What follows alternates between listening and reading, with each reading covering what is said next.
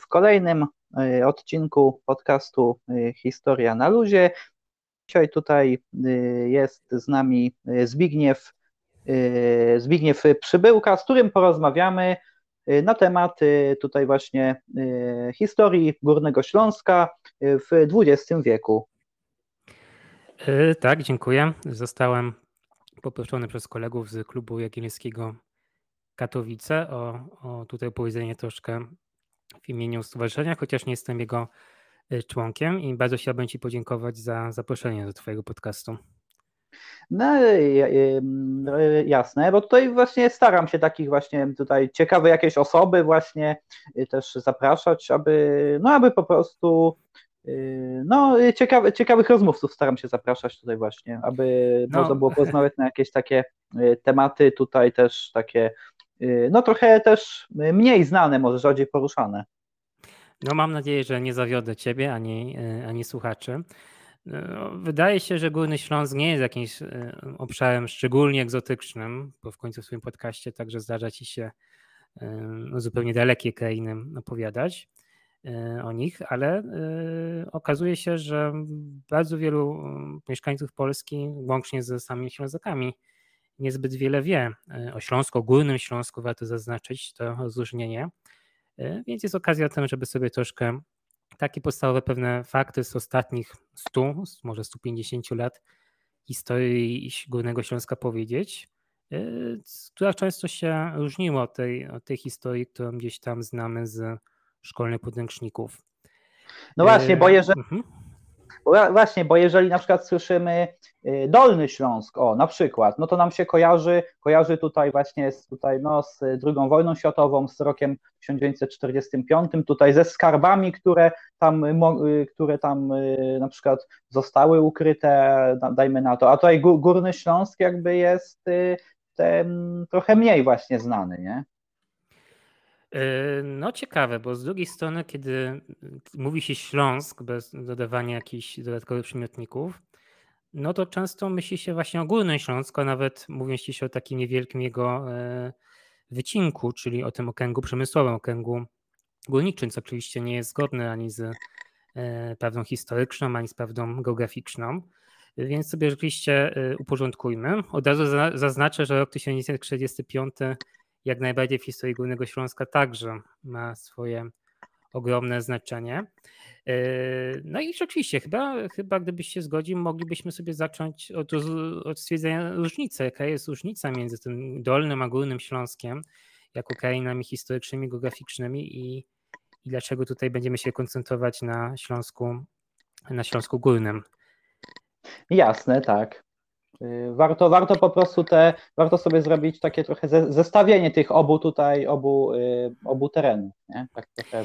Jasne, to w wielkim skrócie, żeby oczywiście tutaj nie wchodzić w y, zbytnie niuanse, nie, nie zanudzać słuchaczy.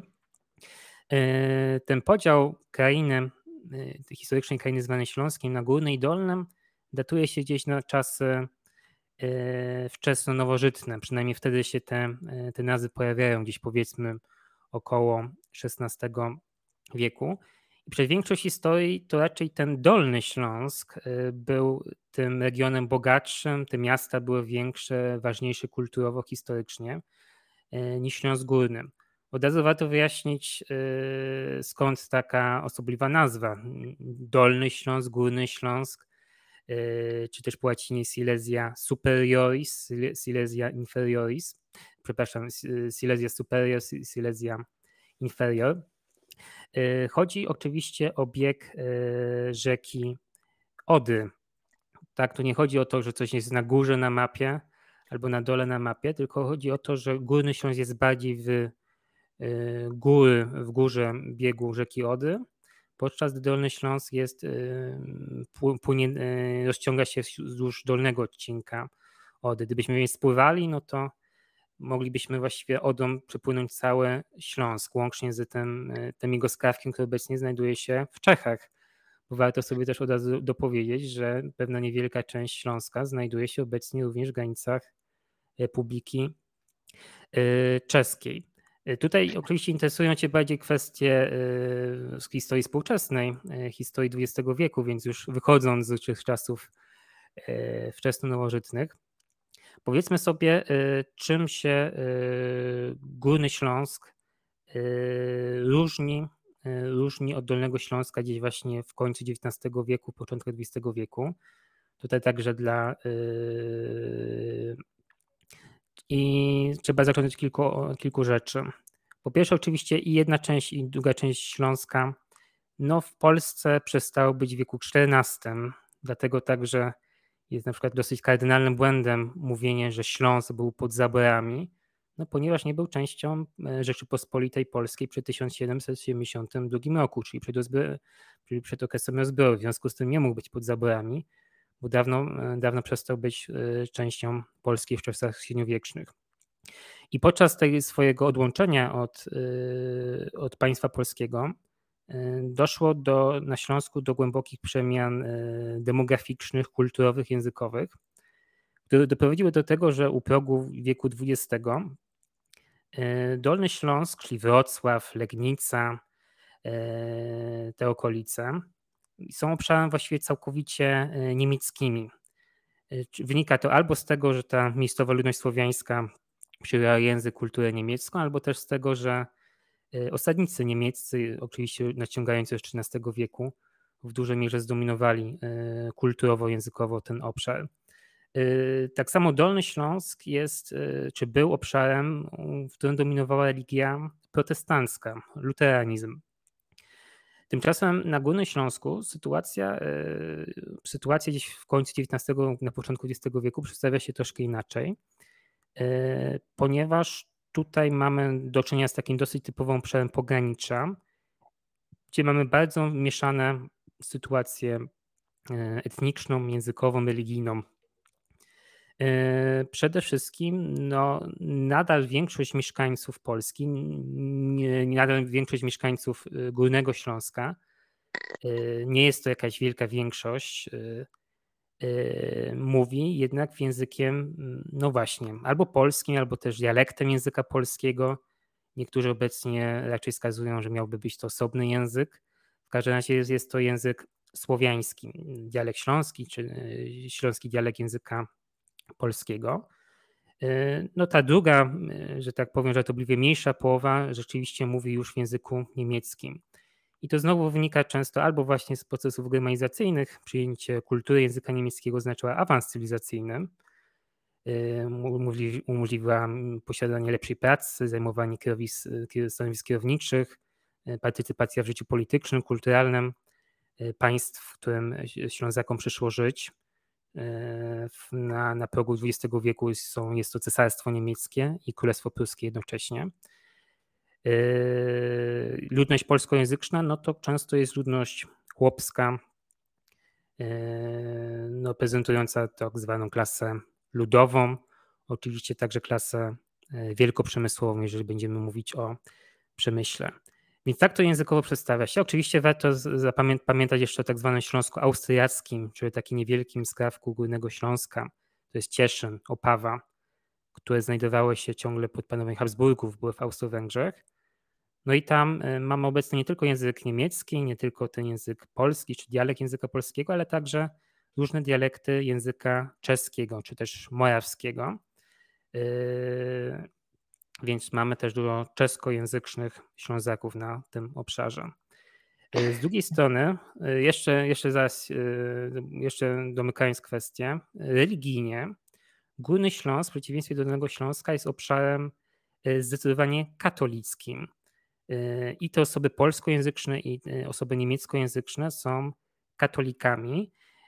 Z jednym ewenementem na terenie Śląska Cieszyńskiego mamy dużą e, grupę, e, być może nie większościową, ale dużą, dużą grupę ewangelików, luteranów, polskojęzycznych, e, co też jest, co też jest ciekawe. No do dzisiaj zresztą ten region jest pod tym względem specyficzny, że ma dużą reprezentację ewangelików. Ale generalnie Górny Śląsk jako taki jest zdecydowanie katolicki, co też go różni od Dolnego Śląska.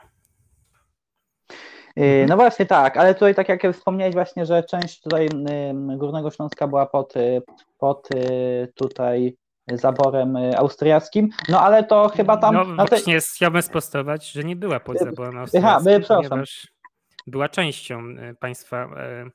Pod władaniem Habsburgów Śląsk jako taki znalazł się w 1526 roku, tak, czyli na 250 lat przed rozbiorami Rzeczypospolitej. Większość Śląska, poza tym niewielkim skawkiem, Cieszyny Opawem, w 1760 roku w wyniku tzw. Tak wojen śląskich przeszła pod władanie Hohenzollerów, czyli tych królów Prus, a późniejszych cesarzy niemieckich. Więc jeżeli byśmy mogli mówić o jakimś rozbiorze albo podziale Śląska, to raczej w 1760 roku, kiedy większość Śląska zajęli e, Prusacy. E, ale tak, jest, pewna część Śląska była pod wodaniem austriackim również u progu XX wieku. Jasne, ale tutaj właśnie, bo e, ziemie, które były właśnie we, we władaniu właśnie tutaj, no wchodziły w skład, w skład tutaj, no wtedy Austro-Węgier, no to chyba tam było e, biedniej, nie? Mi się z tego co, co wiem, niż na, mhm. na terenach wchodzących w skład Cesarstwa Niemieckiego tutaj, nie?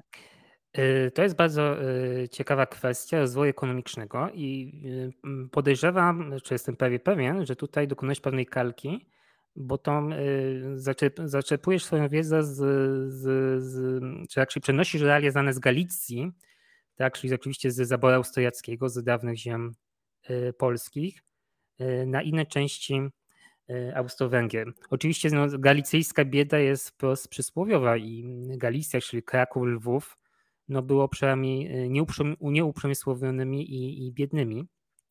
No ale to nie, nie tak wyglądało w, w skali całych Austro-Węgier, no bo Czechy y, były obszarem bardzo rozwiniętym gospodarczo i także ten Śląsk austriacki był bardzo rozwinięty gospodarczo. Y, przede wszystkim tu chodzi o okręg przemysłowy, bo, bo pamiętajmy, że ten okręg przemysłowy nie tylko, to nie tylko ten pruski okręg przemysłowy wokół Katowic, Bytomia, Gliwic, ale także mamy w Karwinie, Ostrawie E, także inny okręg przemysłowy węglowy i tam e, no tam mamy dosyć silną uprzemysłowienie, dosyć silną klasę robotniczą i na pewno byśmy nie nazwali tych terenów zapóźnionych gospodarczymi, gospodarczo. E, jeżeli chodzi o ten pruski Górny Śląsk, no oczywiście bardziej, bardziej znany, na, na którego terenie historycznym no oczywiście także Katowice się znajdują i ja także, także mieszkam, mamy dosyć podobną sytuację. E, że pierwotnie to był oczywiście obszar rolniczy i to dosyć e, uboższy w stosunku do tego Dolnego Śląska, ale to się zmienia w wyniku ewolucji przemysłowej gdzieś w końcu XVIII wieku, a zwłaszcza w wieku XIX, pod właśnie pod panowaniem pruskim, e, na tym wschodnim skrawku Górnego Śląska rozpoczyna się eksploatacja węgla, powstają kopalnie węgle, węgla kamiennego huty. E, no i e, ten pruski Górny Śląsk wyrasta, czy ta jego niewielki obszar, e, wyrasta na jedno z największych okręgów przemysłowych w Niemczech i w Europie. Ale Śląsk Austriacki także, także swój przemysł ma i, przemysł, i, przemysł ma i nie, nie nazwalibyśmy go takim ubogim. Ale galicyjska bieda, owszem, jak najbardziej. I to też ma znaczenie przy okazji, ponieważ ci biedni galicyjscy chłopi, oni migrują oni migrują i do tego e, na Austriacki Śląsk. Zdarza się, że migrują także. E, na Austriacki Śląsk jest bardzo łatwo wymigrować, bo są w jednym państwie, tak? I jest e, tuż obok. Migrują także na Pruski Śląsk i tam zatrudniają się jako robotnicy, więc takie pierwsze przemiany ludnościowe, które zmierzają także do tego, żeby ta grupa polska czy, czy polskojęzyczna uległa wzmocnieniu, są efektem takich migracji zarobkowych. Mhm. Y, no tak, ale no i no i właśnie tutaj też y, y, na Górnym Śląsku, który właśnie był, był wtedy też częścią tutaj wiadomo Rzeszy, Rzeszy Niemieckiej, mhm. u, właśnie u progu XX wieku, no to też pewnie silne były te, silna była ta polityka germanizacji, nie? Na pewno. Mhm. Tak, to jest oczywiście kluczowe zagadnienie, germanizacji, która paradoksalnie e, przyniosła być może e, efekty odwrotne od zamierzonych. Mm, ponieważ tutaj nie bez powodu zbraniam się przed używaniem, łatwym użyciem słowa Polacy, no ponieważ ta ludność, ludność polskojęzyczna no właśnie, niekoniecznie ma, e, ma polską świadomość narodową, czy na pewno jej nie ma na przykład u progu XIX wieku. E, są lojalnymi poddanymi państwa e, pruskiego, są można powiedzieć polskojęzycznymi Prusakami. Od razu warto zaznaczyć przy okazji, warto pamiętać, że przecież większość mieszkańców Rzeczypospolitej, nawet jeśli była polskojęzyczna, no, w dawnej Rzeczypospolitej, to wcale tymi członkami narodu polskiego się nie poczuwała. To jest już dopiero efekt pracy y, no, różnych budzicieli narodowych w XIX wieku, tak ruchu endeckiego, także ruchu ludowego, który zmierzał do tego, żeby tą polską tożsamość narodową także jakby rozszerzać bazę społeczną poza tą wąską grupę postszlachecką, czyli inteligencką i obejmować nią także y, te niższe warstwy, warstwy chłopskie. Y, no i ci nasi polscy pionierzy ruchu narodowego, no oni nie tylko działają na terenie Rzeczypospolitej, dawnej Rzeczypospolitej, ale dostrzegają, że no przecież na przykład jeżeli mamy mm, mieszkańców Wielkopolski, które przecież było właśnie w zaborze pruskim, no to oni dostrzegają, że nagle tak na południu od nich jest taki obszar yy, no, zamieszkany przez ludność mówiącą dialektem języka polskiego i dlaczego by tego polskiego programu narodowego nie rozszerzyć także na tą ludność, tak? czyli wykorzystać dawne polityczne granice Rzeczypospolitej i ten naród polski oprzeć na takiej yy, mianowniku etnicznym, językowym. I właśnie gdzieś od połowy XIX wieku, od 1848 roku widzimy silną yy, aktywizację polskiego ruchu narodowego, który no, stara się przekonywać Yy, polskojęzycznych górnoślązaków do tego, że są Polakami. Z drugiej strony to, co powiedziałeś, czyli polityka germanizacyjna, ponieważ powstaje nam niemieckie państwo narodowe, czyli niemiecki nacjonalizm, no jakby uzyskuje to, co chce. No i dąży do tego, co, co większość nacjonalizmów dąży, czyli do stworzenia jednolitego państwa etnicznie, językowo, yy, czyli też do polityki germanizacyjnej, która na, na Śląsku jak najbardziej dotyka e, no właśnie tych dotychczas lojalnych poddanych króla pruskiego czy cesarza niemieckiego. I ci górnoślązacy, mm, czy już polscy górnoślązacy, no znajdują oparcie w kościele, no bo kościół ewangelizuje, stara się ewangelizować e, w języku, e, którym mówią jego, jego wierni. Y, sławny Kulturkampf, to warto także przy okazji pamiętać, że przede wszystkim wymierzony był nie w, w Polaków, nie w, nie w polski ruch narodowy, tylko w Kościół katolicki. Y, taki był pierwotny cel Kulturkampfu prowadzonego w, w Niemczech bismarckowskich.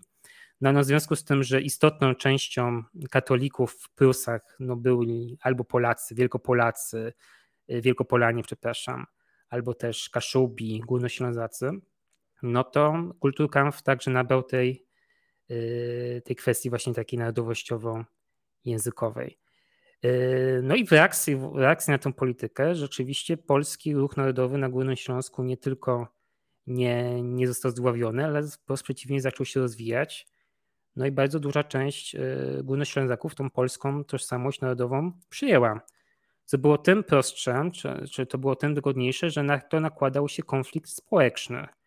Bo to, co ci mówiłem, czyli yy, osoby nie, niemieckojęzyczne, czy po prostu Niemcy, bo, yy, bo tak można powiedzieć o tych niemieckojęzycznych Ślązakach, no to często byli, yy, oczywiście mogli to być przyjezdni zresztą z, z głębi Rzeszy Niemieckiej, nie tylko miejscowi, no ale to oni obejmowali kierowiska sterownicze, techniczne, mieli wykształcenie, byli elitą. Jeżeli ktoś na przykład napracował na kopalni, no to dyrekcja, inżynierowie, no oni to wszyscy byli, mówili po niemiecku, tak? A taki prosty chłop, który stał się górnikiem, no, narażał swoje życie, kiepskie, kiepskie wynagrodzenie odbierał, no to mówił po polsku, więc łatwo było zauważyć, że no, ci Niemcy, no to oni sobie tutaj zajmują kierowiska stanownicze, oni się bogacą, a my czarną robotę odwalamy my, którzy mówimy po polsku, więc tutaj ta kwestia społeczna nakłada się na kwestię narodowościową i dodatkowo to nam komplikuje i sytuację i sprzyja, sprzyja rozwojowi konfliktu narodowościowego. No tak, też to się, no tak, a no i wiadomo, że też wtedy no właśnie, a w, w czasie I wojny światowej, jak tutaj wygl jak wyglądało, jaka była sytuacja mhm. właśnie na, na terenach y, Górnego y, Śląska? Y, z wielkim szczęściem dla Górnego Śląska i to dla tej części pruskiej, dla austriackiej, było to, że nie było na terenie Śląska działań wojennych. To było wielkie szczęście dla tego obszaru, więc te bezpośrednie zniszczenia ją minęło, w przeciwieństwie na przykład do większości ziem polskich, y, ziem Królestwa Polskiego czy Galicji, gdzie te fronty przesuwały się no, czasami kilkukrotnie i, i wyniszczały po prostu, y, wyniszczały po prostu te, te obszary. Y, więc wojna o tyle dotykała Górnoślązaków, no po pierwsze w tym zakresie, że no tak jak wszyscy obywatele Rzeszy, czy to czy to były Wielkopolanami z Wielkopolski, czy to byli mieszkańcami Nadenii, Westfalii. Przy okazji tam też było górno, wielu Górnoślązaków, bo migrowali z lepszymi warunkami pracy do tamtejszego okręgu przemysłowego, czy Bawarczyk, czy jakikolwiek inny poddany Rzeszy, obywatel Rzeszy, no to po prostu musieli Górnoślązacy tą daninę krwi za Kaisera, y, czy też za Franciszka Józefa, jeżeli chodzi o austriackich y, Górnoślązaków, zapłacić. No więc y, dziesiątki tysięcy Górnoślązaków y, w tej wojnie brały udział i, i, i zginęły, y, walcząc na wszystkich frontach tej wojny, no, także na, na tym froncie zachodnim. Tak? Tutaj właściwie, jeżeli byś zapytał się dowolnego Górnoślązaka, takiego, kto oczywiście się zna historię swojej rodziny, no to na pewno ten jego pradziadek jeden, przynajmniej jeden z pradziadków się przez fronty I wojny światowej przetoczył. Na szczęście moi, y, moi przeżyli, przeżyli ten, ten koszmar i wrócili. I oczywiście to jest jedno, ta danina krwi ogromna, a drugie jest to, że no nawet jeżeli wojna bezpośrednio objęła tych terenów, no to im dłużej ta wojna trwała i tym im bardziej Niemcy ją przegrywały, Y, no tym ciężej obywatelom Rzeszy się żyło, no bo system kartek, obcinanie racji żywnościowych, brak opału, brak żywności, no to dotykało z każdym rokiem wojny coraz bardziej obywateli Rzeszy, także Górnoślązaków. No i to oczywiście generowało coraz większe niezadowolenie społeczne. No w samych Niemczech to wybuchło, jak wiadomo, po prostu rewolucja na sam koniec y, I wojny światowej. Y, Kaiser no tak, gdzie tutaj, tak mamy... no właśnie, uciekł do Holandii wtedy. Mm -hmm, mm -hmm, no właśnie, więc a, a na Górnym Śląsku oczywiście zmagało to tą kwestię narodowościową, zwłaszcza jeżeli Niemcy przegrały i kwestia, kwestia tego, jak mają wyglądać powojenne granice Niemiec była otwarta. E, powstało państwo polskie i to państwo polskie, które nie tylko dążyło do rewindykacji tych dawnych ziem Rzeczypospolitej sprzed 1772 roku, ale także właśnie e, zaczynało upinać się ogólny Śląsk, powołując się na te kryterium etniczne, no to e, pierwsza wojna światowa przygotowała atmosferę do tego, żeby tuż po niej rozgorzał już otwarty konflikt etniczny. E, oczywiście to będzie w postaci tak zwanych powstań śląskich głównie się objawiało, no ale także ważna była, może nawet ważniejsza niż od powstań, była wola zwycięskich aliantów Francji, Wielkiej Brytanii, Stanów Zjednoczonych, Włoch na temat tego, w jaki sposób ma wyglądać Górny Śląsk po I wojnie światowej. No Ale tak, właśnie... no bo ci, mhm. y, ci, y, no właśnie, no bo tutaj ci y, czterej tutaj przywódcy tych, tych państw, no to przywódcy tych czterech państw, no to właśnie decydowali po I wojnie światowej na konferencji w Paryżu w ogóle o, o kształcie tutaj Europy i świata, no i co za tym idzie właśnie o, o tym, do, do kogo będzie Górny Śląsk przynależał.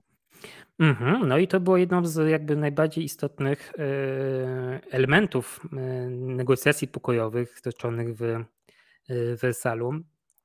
Oczywiście tutaj polska delegacja z Romanem Dmowskim na czele no, dążyła do tego, żeby jak najwięcej tego Górnego Śląska dostać. No powiedzmy sobie szczerze, nie, nie chodziło tylko o, o ludzi, czy przede wszystkim chodziło o okręg przemysłowy, ponieważ ta odrodzona Rzeczpospolita przemysłu no, nie posiadała zbytnio i, i posiadanie ewentualnego górnośląskiego okręgu przemysłowego było, miało ogromne znaczenie. Tutaj ludność może mniej się liczyła, ale jako argument, jako argument y, za, za przyznanie tych terytoriów jak najbardziej.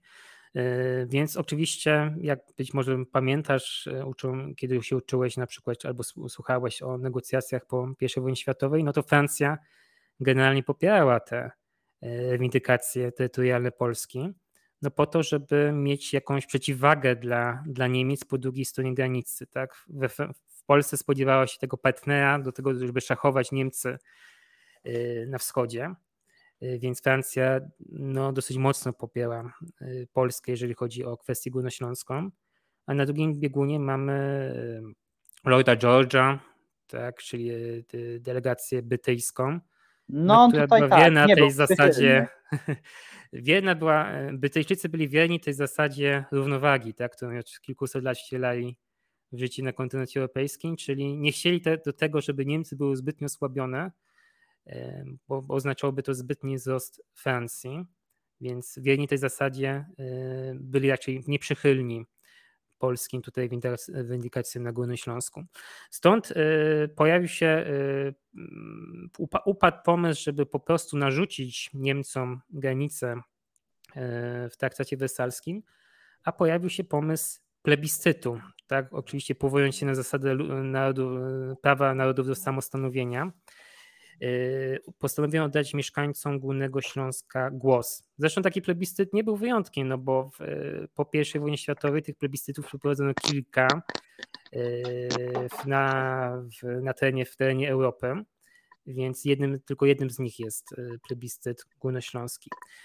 No i plebiscyt obejmował większość tego pruskiego Górnego Śląska, ponieważ warto zaznaczyć, że ten Śląsk austriacki to jakby jest zupełnie inna kwestia, i to już jest konflikt nie tyle e, polsko-niemiecki, co polsko-czeski, bo tutaj e, oczywiście już Austro-Węgry padły, no te, te dawne terytoria, e, chodziło przede wszystkim o Śląsk Cieszczyński, zaczęli ubiegać się Czesi i Polacy. Tam też miał być plebiscyt, ostatecznie nie doszedł do skutku, ale to może za chwilę. Skupmy się może na tym, na tym plebiscycie, który doszedł do skutku, czyli plebiscycie na pruskim Górnym Śląsku. Więc miano miano zapytać mieszkańców o, e, e, o głos. E, no i plebiscyt taki odbył się w 1921 roku, a w międzyczasie jeszcze wybuchły tak zwane dwa powstania śląskie i później jeszcze trzecie po, już po, po plebiscycie. No właśnie tak, no bo tutaj, ale tutaj chyba Niemcy, Niemcy tutaj podczas tego plebiscytu, no to zwo, zwozili tutaj, zwozili na tereny Górnego Śląska y, ludzi tutaj właśnie, y, mm, ludność niemiecką, nie? Żeby głosowali właśnie. No właśnie, tutaj ludność niemiecką za mówisz, y, to tak, to nie jest takie proste. No po, mm, to oczywiście ten argument jest bardzo chętnie podnoszony przez mm, polskich, polską stronę, tak to nazwijmy, która próbuje usprawiedliwić e, wynik tego plebiscytu. Na plebiscyt e, już, że tak powiem, spoiler alert, e, został przez Polskę generalnie przegrany. Owszem, to zwożenie miało miejsce, ale trzeba zaznaczyć, że był to pomysł strony polskiej. A pomysł był taki, żeby uprawnieni do głosowania w plebiscycie byli nie tylko, były nie tylko osoby, które aktualnie mieszkały na Górnym Śląsku, ale także też takie, które na Górnym Śląsku się urodziły, ale y, no, akurat mieszkały poza nim w momencie plebiscytu. I kalkulacja była taka, że y, tutaj dużą część tej grupy stanowili wspomniani właśnie już y, robotnicy, górnicy, którzy na przykład wyjechali do Zagłębia Rury, tak, na terenie północnej Westfalii w poszukiwaniu lepszych warunków płacowych. No i to byli, e, to byli no właśnie tacy e, Ślązacy, Górnoślązacy jak wszyscy inni.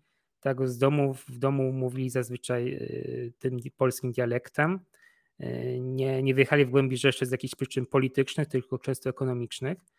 No i polska strona wyobrażała sobie zapewne, że, że te osoby będą, skoro mówią po polsku, będą głosować za Polską, tak? Pamiętaj przy okazji, że plebiscyt nie było pytanie, kim tylko było pytanie, w jakim państwie chcesz mieszkać. Więc to, to też jest istotna różnica. No okazało się, że po pierwsze strona niemiecka potrafi lepiej tą, tą, ten, tą grupę ludności zagitować, po drugie lepiej technicznie zorganizować ich przywóz z Zagłębia Rury do, na ten na pen plebiscytowy, żeby mogli oddać swój głos. No więc okazało się to strzałem stopę ze strony polskiej, bo rzeczywiście ta grupa w zdecydowanej większości zagłosowała za, za tym, żeby Górny Śląsk pozostał w granicach Niemiec. E, przy okazji wiemy to z tego powodu, że jakby oni głosowali osobno, tak? Więc jakby mówiąc tak w uproszczeniu, rzucali los do osobnej urny, więc możemy odliczyć jakby te głosy i skazać wyraźnie, bo samo głosowanie oczywiście było tajne, tak? Ale ta grupa głosowała osobno, więc można było łatwo te głosy e, stwierdzić.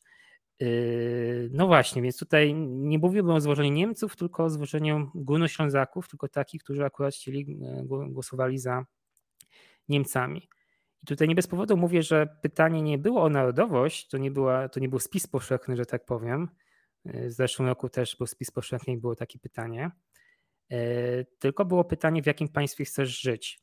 E, no i, i obszar plebiscytowy, na obszarze plebiscytowym strona polska i strona niemiecka prowadziły intensywną kampanię propagandową. E, organizowano wiece, organizowano mm, mitingi, tutaj mamy takie bardzo ładne świadectwo materialne, plakaty plebiscytowe. Mm, powstało mnóstwo, setki tych, tych różnych wariantów plakatów, które miały zachęcać, czy druków ulotnych, które miały zachęcać do tego, by głosować za jednym, y, za jednym państwem czy za drugim. No i jest bardzo charakterystyczne. Szkoda, że to jest, jesteśmy w formie mówionej, więc niestety tutaj jakiejś pomocy wizualnej nie możemy pokazać, ale myślę, że możemy zachęcić naszych słuchaczy do tego, żeby sami sobie wygooglali e, te plakaty plebiscytowe górnośląskie. E, jest bardzo, na podstawie tych plakatów, które są czymś masowym były, takie były skierowane, miały dosyć proste treści, żeby zachęcić do głosowania. Możemy zobaczyć, że i jedna i druga strona miała świadomość tego, że e, no właśnie, że ona nie może apelować tylko do uczuć narodowych, tylko także trzeba apelować do kwestii ekonomicznych na przykład albo religijnych. Y, jest bardzo charakterystyczne, że wiele z tych plakatów jest dwujęzyczne. I strona polska, i strona niemiecka no zakładały, że, że głosować na nich mogą osoby, które na przykład nie znają języka polskiego, a mogłyby ewentualnie chcieć mieszkać w Polsce, czy nie potrafią czytać po polsku, a chcą mieszkać w Polsce. Albo na przykład y, no, godoją, godoją, y, tak mówią po śląsku w domach, no ale e, to jest ich, e, to ich język, nie, nie, nie są niemieckojęzyczni, ale są skłonni do tego, żeby mieszkać w Niemczech, więc te plakaty są dwujęzyczne. I owszem, poruszałem kwestie narodowościowe, mamy oczywiście takie piękne stereotypy, jak jest Niemiec pokazane, no to albo to jest krzyżak, albo to jest taki gruby kapitalista z cygarem, pruski urzędnik, takie mamy stereotypy. Z drugiej strony Niemcy, jak przedstawiali Polaka, no to jest jakiś obdarty chłop, albo to jest na przykład e, pijany szlaścic w kontuszu, e, to oczywiście jest anachronizmem, bo jakiś e, oficer z szablą w rogatywce, też karykaturalnie przedstawionym. No i obie strony na przykład starały się przekonywać, że lepiej się będzie żyło ekonomicznie, finansowo w, w danym państwie. Więc na przykład strona niemiecka stara się przekonywać, że po pierwsze Polska jest czymś no, krajem sezonowym tak zwanym. no tak, bo takie było, mhm. takie było zdanie wtedy, nie? Wśród, wśród tutaj nawet władz niemieckich, że Polska to jest państwo y, sezonowe w tamtym czasie, że tam za jakiś czas może że przestanie istnieć, nie? Mhm. No to jest jedno, tak? Poza tym jest krajem nowym, zupełnie ubogim, bardzo ubogim. Tak więc na przykład starano się y, i górnośląskich robotników, i górnośląskich rolników przekonywać, że, y, że w Polsce czeka ich bieda. Z drugiej strony y, polska propaganda na przykład stara się wskazywać oczywiście, że Niemcy są krajem no, politycznie i także gospodarczo bankrutem z powodu I wojny światowej. Tam wskazywano na kwestię tych ogromnych reparacji wojennych, kontrybucji wojennych, które nałożono Niemcy i starano się przekonywać żeby Górnoślązaków, żeby nie chcieli być, e, być wyskiwani przez tego niemieckiego trupa, tak? bo tak starano się państwo niemieckie prze, przedstawiać. Mamy oczywiście także wątki no, religijne. Jedna i druga strona bardzo chętnie odwołała się do religii katolickiej. Tutaj na przykład do postaci świętej Jadwigi, świętej Jadwigi Śląskiej, nie, nie królowej Jadwigi, żony Władysława Giełły, tylko pochodzącej z XIII wieku świętej Jadwigi Księżnej, żony Henryka Brodatego, która była z pochodzenia Niemką, no ale była właśnie żoną śląskiego księcia i, świętą, i patronką Śląska. I tutaj Niemcy na przykład eksploatowali, że tutaj no, święta Jadwigo nas broń.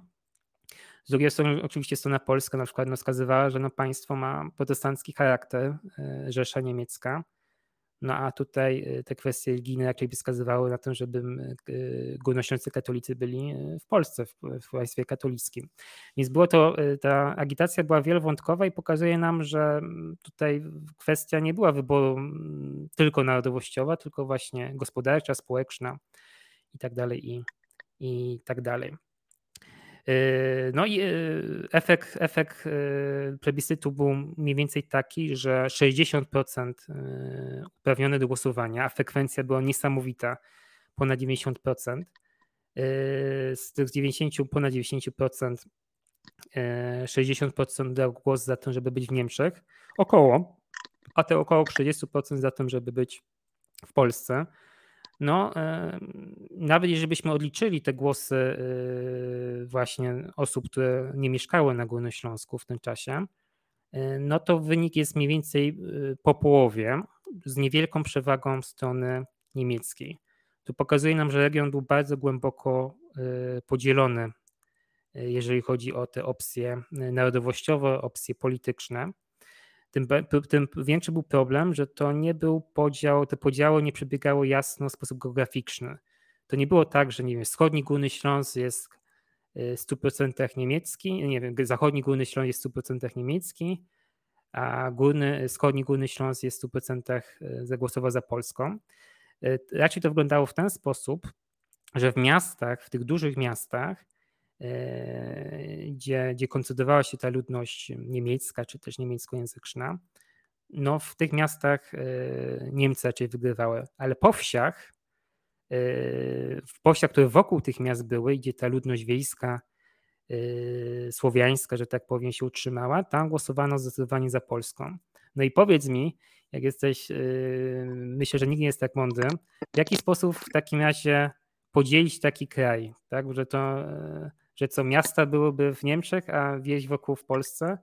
No, no właśnie, no nie, nie da się. Tym bardziej oczywiście, że nie byłoby to oczywiście satysfakcjonujące ze strony polskiej, no bo strona polska chciała przede wszystkim tego kręgu przemysłowego, tak, tych, tych miast właśnie.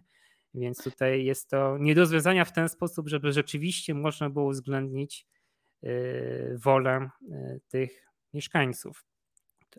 Yy, no i mm, więc e, plebiscyt no, sam siebie nie mógł zdecydować o tym, w jaki sposób tego regionu podzielić. No właśnie, tak, no było to, było to nie, niewykonalne po prostu takie, takie podzielenie właśnie e, regionu. No i chyba stąd y, też y, wtedy trzecie powstanie śląskie, nie? Wtedy miało, miało miejsce. Yy, tak. Yy, powstanie oczywiście są yy, kwestią tak bardzo, bardzo chętnie akcentowaną przez polską historiografię. Na przykład warto zaznaczyć, że w tym roku prezydent Duda ogłosił nowym święto, tak?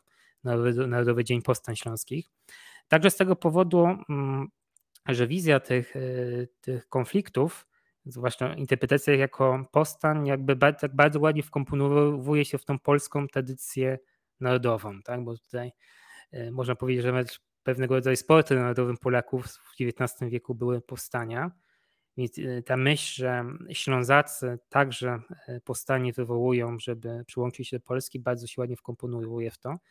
No ale sprawa oczywiście nie jest taka prosta. E, pierwsze dwa powstania, no, może w wielkim skrócie tylko, bo one były w dużej mierze e, no, może częściowo no, spontaniczne, zwłaszcza to pierwsze spontan, e, powstanie, także nie do końca dobrze przeprowadzane i przemyślane i niewielkich, niewielkich rozmiarów. No to trzecie powstanie, no to już był poważny konflikt zbrojny. Z kilku powodów. Po pierwsze, ono służy do tego, służy do tego żeby odwrócić ten niekorzystny wynik plebiscytu. Bo oczywiście po niekorzystnym wyniku plebiscytu no, pojawiły się takie projekty podziału Górnego Śląska, które cały okręg przemysłowy właściwie zatrzymywały przy Niemczech, a, a do Polski przyłączały tylko te skrajne rolnicze powiaty typu na przykład Pszczyński, Y, co było niesatysfakcjonujące dla, y, dla strony polskiej. Ponadto no tak. Y, pamiętajmy także, że mm, no powstanie, no nie, w powstaniu nie brało udziału wyłącznie lokalna ludność. To nie było tak, że lokalni Polacy walczyli z lokalnymi Niemcami, tylko oczywiście i państwo niemieckie, i państwo polskie starały się jawnie i niejawnie wspierać, wspierać te działania e, zbrojne.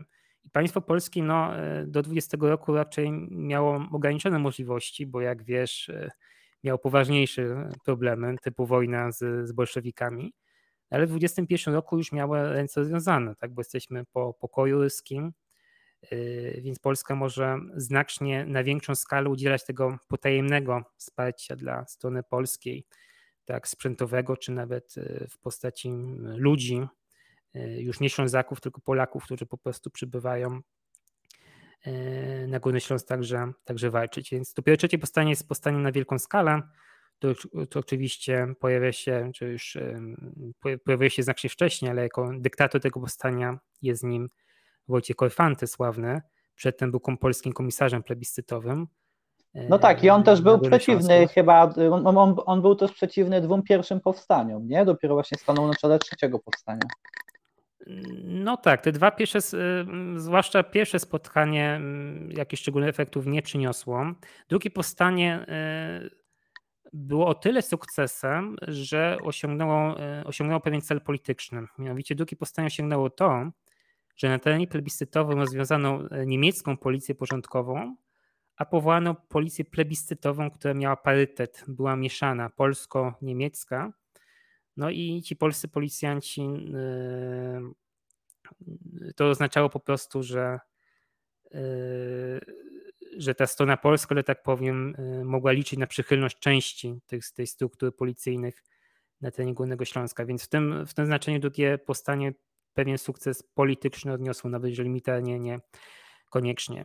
Ale dopiero trzecie powstanie jest takim powstaniem na wielką skalę, także największy obszar obejmuje, aż gdzieś tam hen hen głęboko pod Opole, dociera. Tam mamy oczywiście najsławniejszą bitwę na, na Górze Świętej Anny, Świętej Górze Ślązaków zresztą, bo tam mamy e, główne centrum pielgrzymkowe.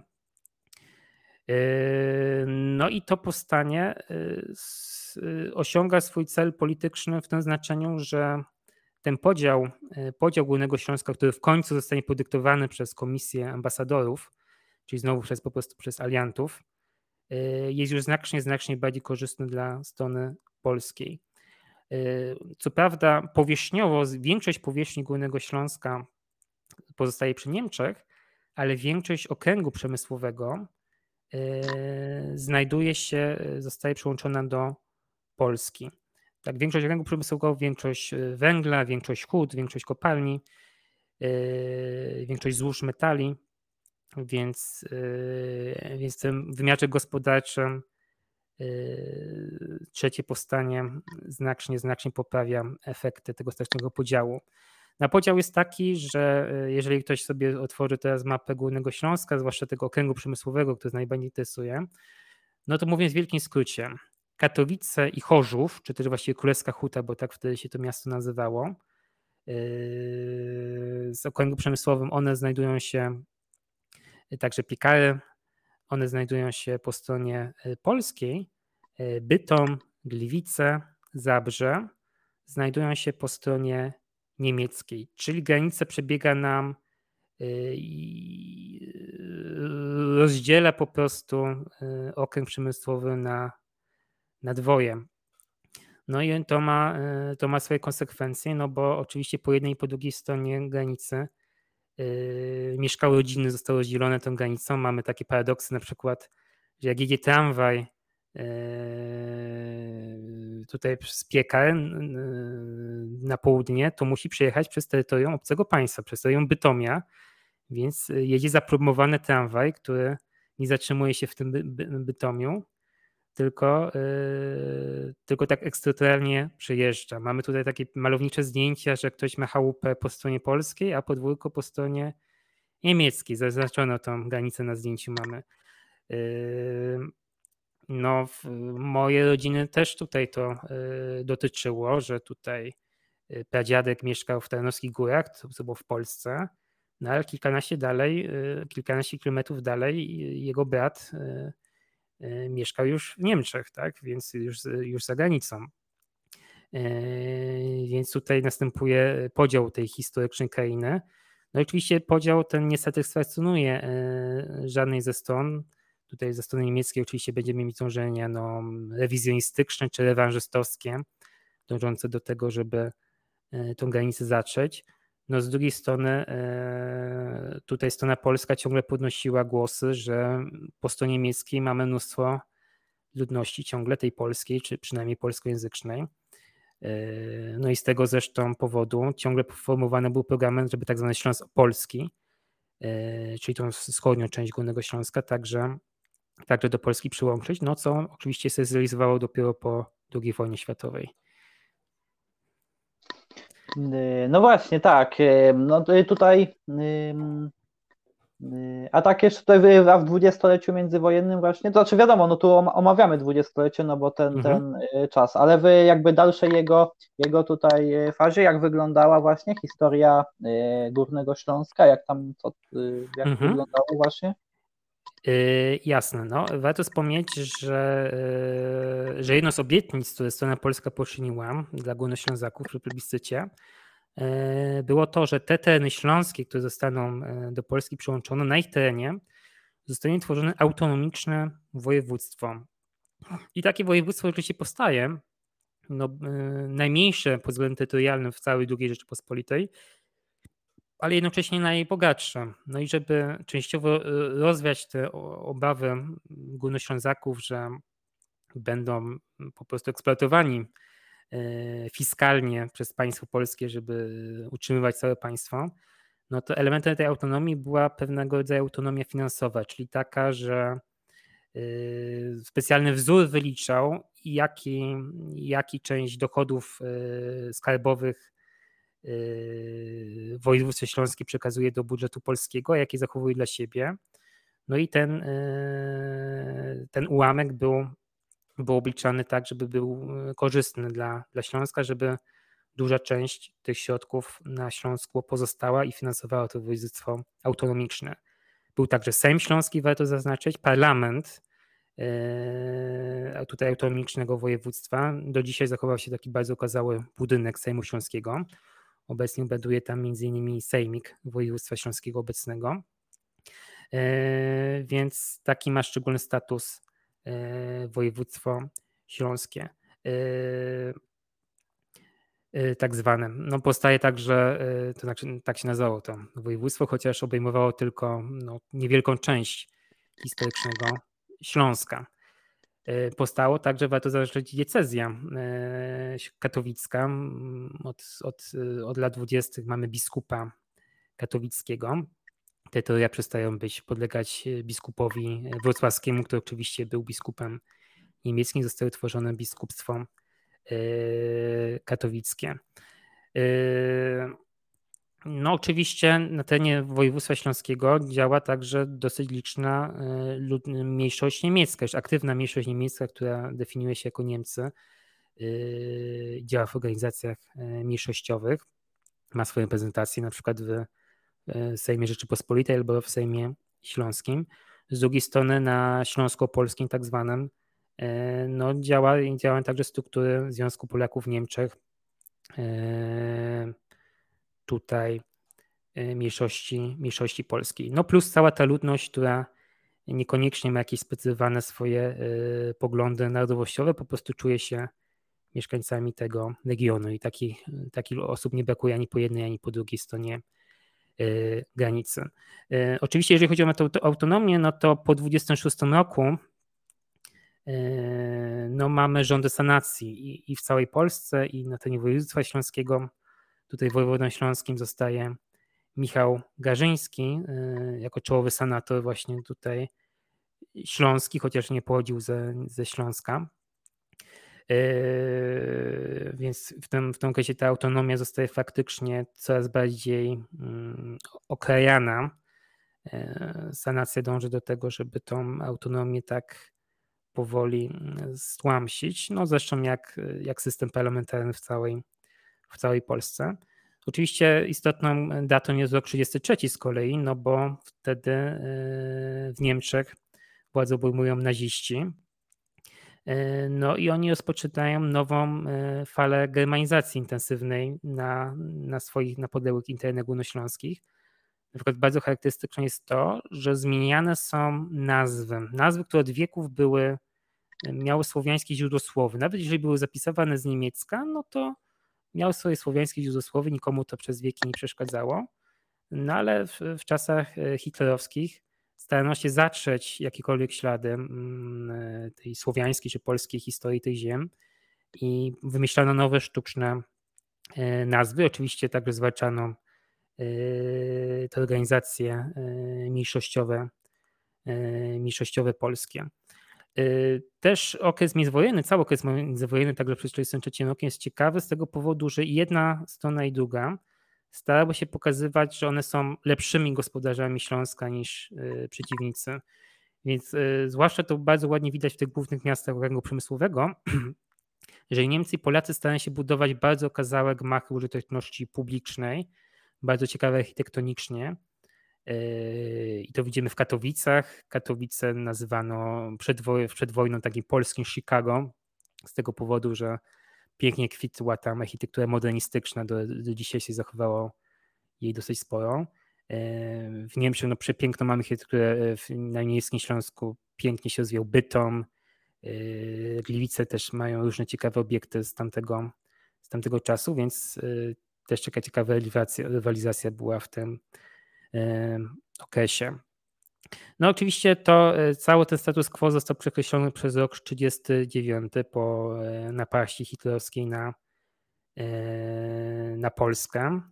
Wtedy i Górny Śląsk, i nie tylko Górny Śląsk, ale także na przykład Zagłębie Dąbrowskie, czyli Sosnowiec, Dąbrowa Górnicza, które nigdy ziemiami śląskimi nie były, zostały przyłączone do Niemiec, no i także podane tej brutalnej polityce germanizacji e, i terrorowi okupacyjnemu przez te kolejne 5-6 lat, ale to już myślę jest e, temat, byłby na może jakąś kolejną rozmowę, być może jeszcze będziemy mieć okazję porozmawiać, ale może na dzisiaj skończymy. Jasne, no bo tu, jasne, no bo tutaj omówiliśmy właśnie tutaj y, historię właśnie Górnego Śląska w tym właśnie w czasie, w czasie historii najnowszej, to znaczy no później, później też jest historia najnowsza i wiek XX, no ale myślę, że tutaj no tak przybliżyliśmy. Obiecuję tutaj... Ci, że, że po II wojnie światowej także mm, bardzo dzieją się ciekawe rzeczy w kontekście narodowościowym, niekoniecznie może e, znane mieszkańcom Polski centralnej, więc e, być może także warto kiedyś w przyszłości wrócić do, do tego coś, co się w czasie wojny zresztą także dzieje w czasie po II wojnie światowej. Jasne, tak, no bo to też jest, też jest ciekawy, ciekawy temat. No ja dziękuję Tobie za przybycie tutaj właśnie, za, za wystąpienie, za wzięcie y, Ja Ci dziękuję za zaproszenie. Mam nadzieję, że było w miarę ciekawie, a także w miarę na luzie i także, tak, w porządku. że e, mam nadzieję, że Ty i, i też słuchacze może się czegoś e, dowiedzieliście ciekawego. No właśnie tak, no bo tutaj.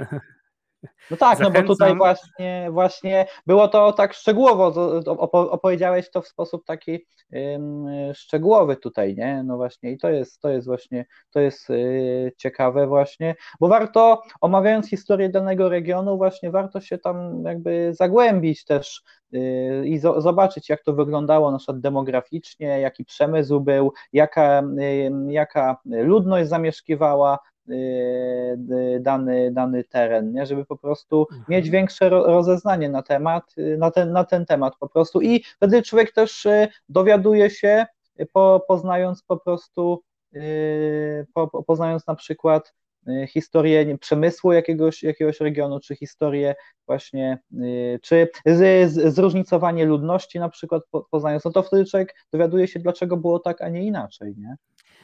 Tak, y, no i mam nadzieję, że jak ktoś nas wysłucha, to y, po pierwsze oczywiście bardzo mi miło, gdybyście chciał troszkę poznać więcej o historii Śląska, jest dużo pięknych książek, filmów, ale też myślę fajnie byłoby, gdyby się zainteresował historią swojego własnego regionu, tak, czy to byłby wielkopoleninem z Mazowsza, a być może ma jakieś korzenie kresowe, czy jest sentyment do nich, y, to naprawdę warto choćby zacząć od kwestii rodzinnych, popytać, yy, popytać dziadków, poszukać pamiątek rodzinny, ale także yy, pójść do lokalnego muzeum i coś o historii swojego własnego regionu się dowiedzieć.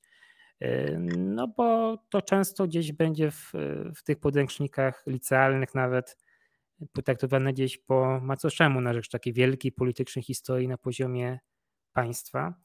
No i warto ten brak mm, uzupełnić, zwłaszcza, że no, historia, edukacja regionalna w polskich szkołach no, wygląda z nią dosyć różno, różnie, więc mam nadzieję, że, że mam nadzieję także, że będziesz mieć okazję porozmawiać z, z, z, osobami z innych regionów i one też może opowiedzą o specyfice. Yy, tak, no bo jak się tutaj tak, no bo jak się tutaj wyszukuje, na, yy, tak się właśnie człowiek w to zagłębia, no to okazuje się, że jest y, dużo różnych y, towarzystw historycznych, y, grup rekonstrukcyjnych, na przykład też różnych stowarzyszeń historycznych, które działają na obszarze danego regionu i ukazują właśnie tą, tą historię danego regionu, no bo mm, tak jak tutaj właśnie też powiedziałeś, że w, na lekcjach historii na przykład, czy no to wiadomo, jest pokazywana taka historia przeważnie mm, z perspektywy całościowej, nie? No a jakby no nie, nie, nie, zagłę- nie, nie jest ukazana y, historia z perspektywy y, danego regionu tutaj, nie? I właśnie i dlatego tak, tak,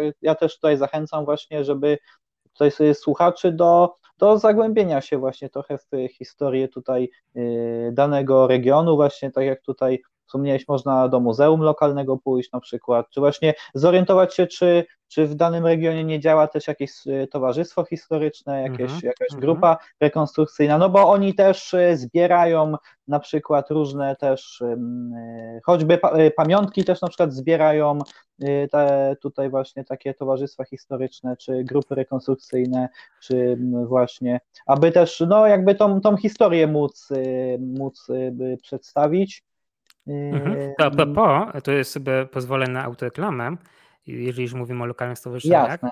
Y, to chciałbym zareklamować, że y, no, Klub Jagoński Katowice y, będzie w tym roku realizować, mam nadzieję, ciekawy projekt sfinansowany z grantu Muzeum Historii Polski.